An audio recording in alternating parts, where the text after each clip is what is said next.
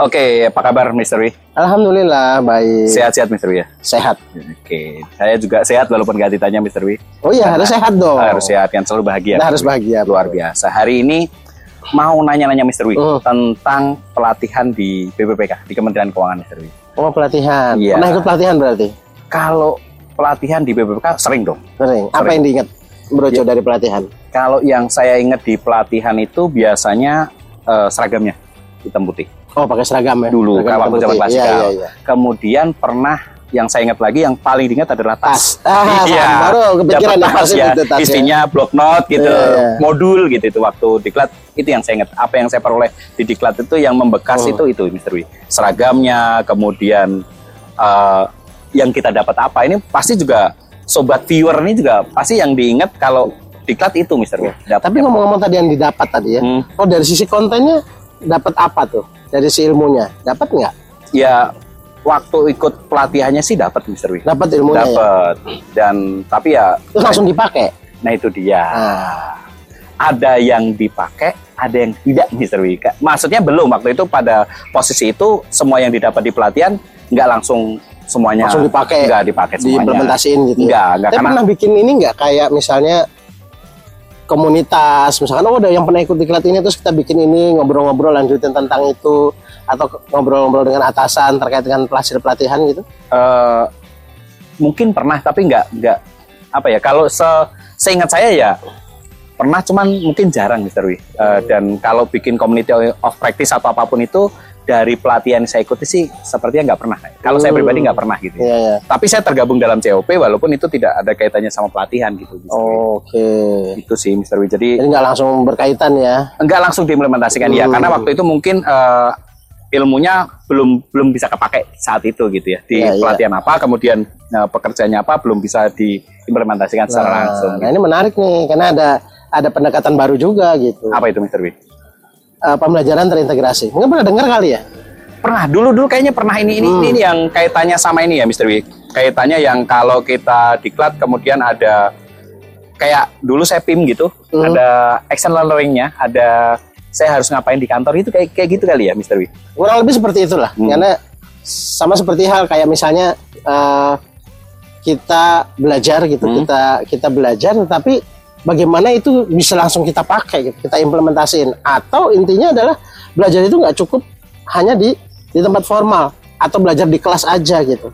Hmm, Tapi jadi juga harus ada ada follow up setelah belajar itu. ini pembelajaran terintegrasi itu seperti itu berarti penjelasannya kalau kitanya apa itu pembelajaran terintegrasi itu jawabannya seperti itu tadi seperti itu. Iya, jadi gini, eh, lengkapnya ya Hmm. pembelajaran terintegrasi itu eh, intinya adalah bagaimana proses belajar itu Ya. Terintegrasi. Nah, makanya ada kata-kata terintegrasi Hmm. di situ. Terintegrasi dengan pekerjaan yang akan dilakukan. Sebentar sebentar Mr. Wi. Jadi kayak kita diklat Hmm.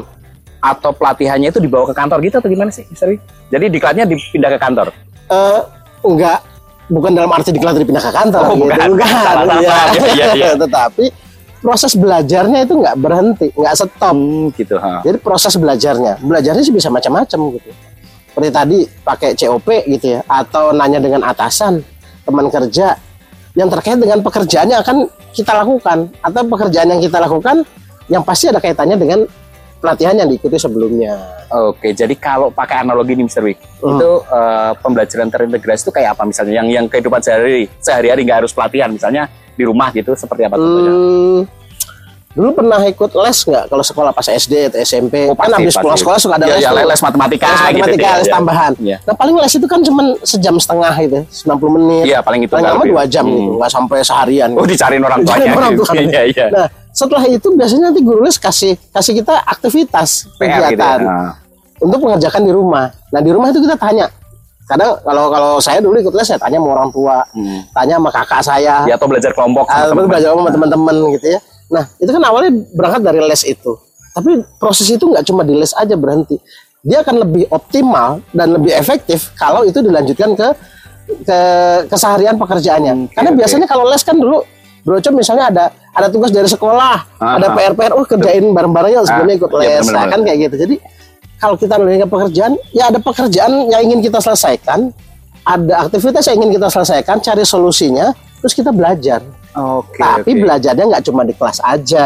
Oh iya iya, Tapi Gitu. bawa ke rumah tadi gitu ya. Dibawa Ini rumah analoginya tadi. dibawa ke tempat kerja gitu. Tempat ya. kerja karena kan kita ngalamin nih benar-benar mau ngerjain eh gimana caranya ya oh kemarin di pelatihan kayak gini Aha, bener nggak terus kita bisa konsultasi lagi ke atasan Pak Bu kalau seperti ini saya kerjakan gimana ada kekurangan nggak Hmm, oh oke. mungkin dia kasih kasih kasih arahan lagi gitu ya sebagai eh, coach kita atau mentor kita oh kayak maunya begini kita kerjain lagi Oh, iya, jadi iya, proses itu akan berulang gitu Menarik sih kalau Hmm. kita dengerin ya penjelasannya Mr. Wi walaupun singkat. Mungkin nanti kita ngobrol lagi nih Mr. Ya, Wi di beradanya Mas Petir nih.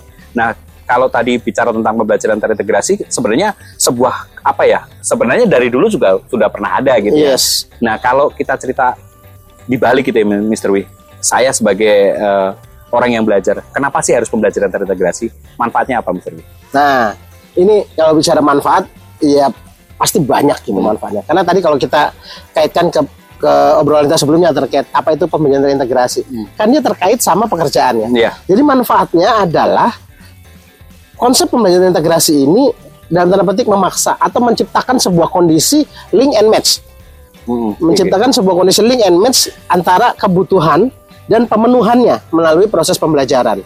Jadi Oke, oh, oke. misalnya seseorang butuh eh, dia bisa misalnya mm, melakukan pengolahan data dengan software tertentu. Mhm. Nah, kemudian dia melakukan pembelajaran gimana caranya. Oh, teorinya seperti ini. Dia latihan dengan pakai Hmm. data-data sederhana seperti ini.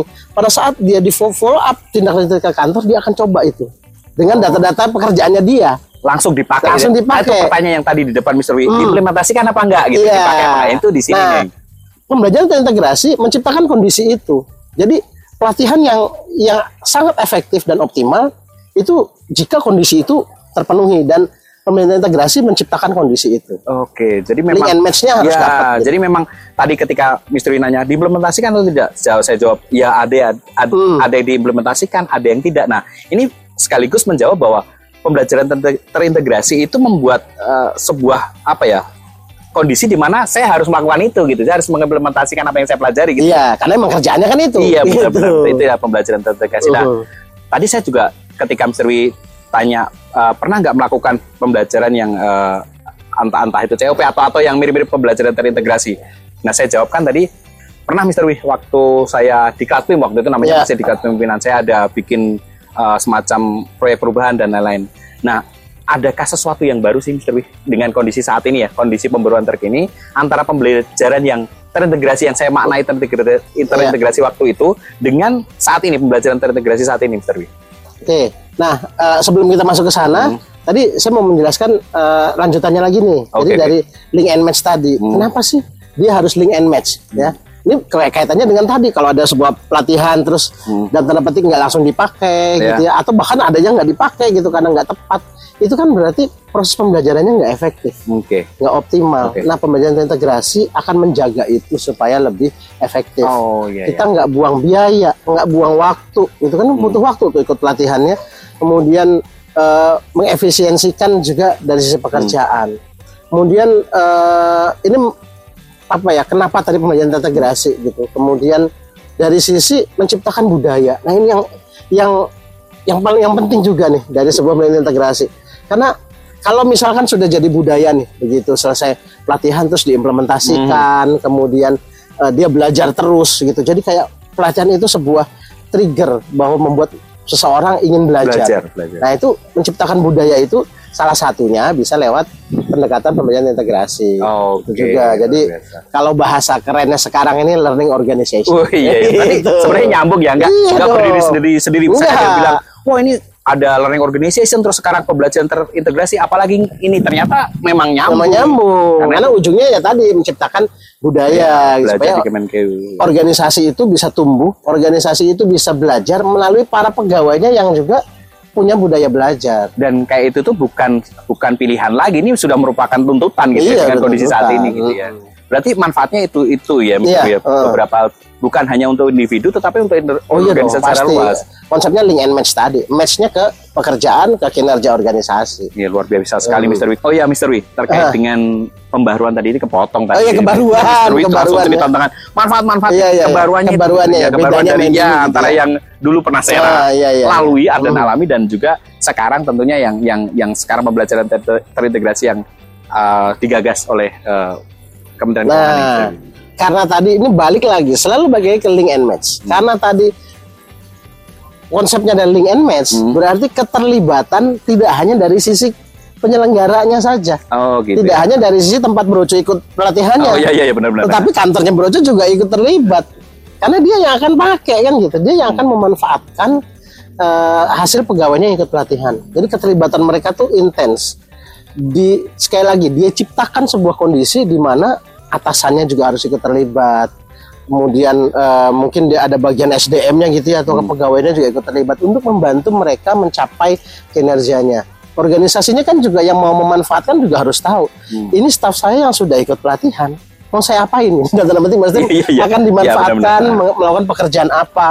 Itu kan berarti keterlibatan mereka nggak bisa cuma eh, udah kamu ikut pelatihan aja, habis itu udah selesai kerja normal lagi. Itu bedanya.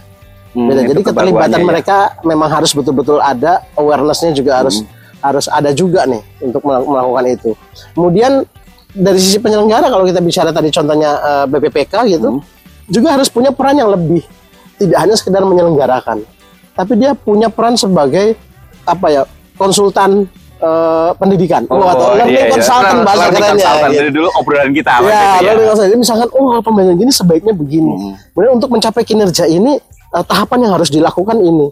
Untuk supaya lebih optimal, mereka bisa melakukan praktek-praktek ini dan seterusnya. iya. Jadi semacam konsultan, learning consultant untuk memberikan masukan eh, yang terbaik untuk mencapai solusi pemenuhan eh, SDM, kapasitas SDM-nya. Gitu. Kemudian juga apa namanya eh, proses itu terdokumentasi. Nah ini mungkin yang dulu-dulu suka terlewat gitu ya. Oh, Iya iya, kita iya. memang belajar sampai kantor kita memang belajar lagi tanya dengan uh, atasan dengan rekan kerja praktek kemudian perbaikan lagi. Nah dengan pembelajaran terintegra- terintegrasi ini kita dokumentasikan itu. Pertanyaan kenapa sih perlu didokumentasiin kan gitu ya? Iya betul betul. Nah, ini supaya eh, kegiatan nanti setelahnya itu juga bisa me- apa ya memodifikasi atau meniru proses-proses pembelajaran yang sudah terbukti bagus. Hmm, Atau oke. itu bisa juga jadi catatan pegawai yang bersangkutan bahwa mereka belajar terus gitu. Jadi never stop learning bahasa Inggrisnya. Eh, dua ya, tadi udah dua ya. Ya. Saya tadi pertama learning consultant, Ah. never stop learning. Iya. Iya iya iya. Dan ujungnya apa? Untuk membentuk budaya. Oh iya, ujungnya selalu membentuk budaya Iya budaya belajar. belajar. gitu Nah, ya. eh, bisa jadi nih kalau budaya ini sudah terbentuk, mungkin dokumentasi itu agak berkurang, arahnya akan berbeda lagi, mungkin dari sisi outputnya Oke. dan lain-lain. Nah, kebaruan-kebaruan itu yang yang kita buat supaya tetap memenuhi kaidah eh, yang kita gunakan di di BPK kan mulai dari tahapan analisis Iya. sampai evaluasi ADDIE ADDIE itu. itu ya. Di setiap tahapan itu itulah keterlibatan atau peran dari unit pengguna itu harus ada. Jadi memang sekarang ke- namanya pelatihan itu tidak hanya hubungannya antara peserta dan juga penyelenggara Oh saja. iya, sekarang keter- keterlibatannya semakin menjadi luas dan, Betul. dan lebih tertata gitu ya Mr. Wi dalam artian lebih eh, tadi terdokumentasi itu yang sering Iya. kita sering kita lupa gitu selama ini Hmm. bahwa ternyata penting juga peran dari dokumentasi setiap eh, tahapan gitu ya Mr. Wi. Iya iya benar. Nah saya ingat waktu waktu ngantri anak saya sekolah di Oh, SD, iya, iya, iya. SD ber- eh, pas dari masuk kelas 1 kelas 2 gitu. Terus gurunya bilang, "Iya Bu, ini jadi anaknya nanti sekolah eh, 5 jam sampai jam 12 siang." Hmm. Kalau kelas 1 SD, Iya. eh, kami gurunya hanya bisa mendampingi selama 5 jam. Sisanya Bapak Ibu sebagai orang tua lah yang menjadi guru yang mendampingi anaknya lebih lama. Mereka Benar. gitu. gitu Benar juga ya, kan? berarti ya, ya benar Iya kan? juga ya Mr. Wi ya. Jadi tempat saya yang lebih lebih lama adalah tempat saya kerja. Tempat saya Benar. lebih lama adalah tempat anak saya lebih lama di rumah. Berarti orang-orang di rumah lah yang menjadi gurunya. Jadi memang analogi pembelajaran terintegrasi ini Hmm. sebenarnya setiap orang pernah sudah Oh pernah iya, mengalaminya gitu. Ketika kita menyekolahkan anak-anak kita Iya. gitu, kan nggak selama seharian full 24 jam Betul. di sekolah gitu ya Hmm. kecuali sekolah-sekolah tertentu tentunya Yes. tetapi kalau sekolah pada umumnya gitu yang anak seperti anak-anak kita kita antarkan dia pagi siang udah balik lagi Iya. selebihnya itu menjadi tanggung jawab kita untuk menjadi Nah, guru terus kan gurunya juga ngomong, nanti di rumah juga bisa diajarin Iya, sesuatu gitu benar-benar. kan. Cara makan misalkan atau eh, ngumpul sama keluarga, itu kan juga pembelajaran buat si anak. luar biasa dan itu Nah. memang ses- kebaruan-kebaruan itulah yang membuat uh, pembelajaran terintegrasi ini mungkin akan lebih mengena gitu Iya, dan dan ada ada satu lagi nih Bro Cu, kebaruannya. Karena tadi terdokumentasi, dia secara apa ya? otomatis bisa tercatat juga, ter- terkoneksi juga oke ke Human Resource Information Systemnya kita. Ah, yes, iya, jadi luar tercatat pengakuan pembelajarannya gitu ya dihitung juga proses pembelajarannya ini semata-mata untuk uh, apa ya memberikan keyakinan bahwa oh pegawai Kementerian Keuangan belajar kemudian ini cara mereka belajar dan ini cara mereka mencapai performanya atau mencapai kinerjanya melalui proses pembelajaran uh, berkelanjutan ini yang okay. tidak hanya di kelas. Jadi pembelajarannya terintegrasi, prosesnya pun terintegrasi, terintegrasi juga. dan ini memerlukan uh, bantuan dan dukungan semua pihak tentunya Mr. Wi dan luar Betul biasa banget. sekali. Ini obrolan kita tadi tiga hal apa itu pembelajaran terintegrasi, uh -huh. kemudian manfaat, kemudian yang terakhir adalah kebaruan yes. dari Mr. Wi. Dan kalau kita bicara pembelajaran terintegrasi tidak hanya tiga hal ini gitu ya. Masih oh iya, banyak masih banyak. banyak yang nanti kita akan diskusikan lagi Mister Wi di Siap. Beranda Mas Petir di seri-seri selanjutnya. Terima kasih dan assalamualaikum warahmatullahi wabarakatuh. Beranda Mas Petir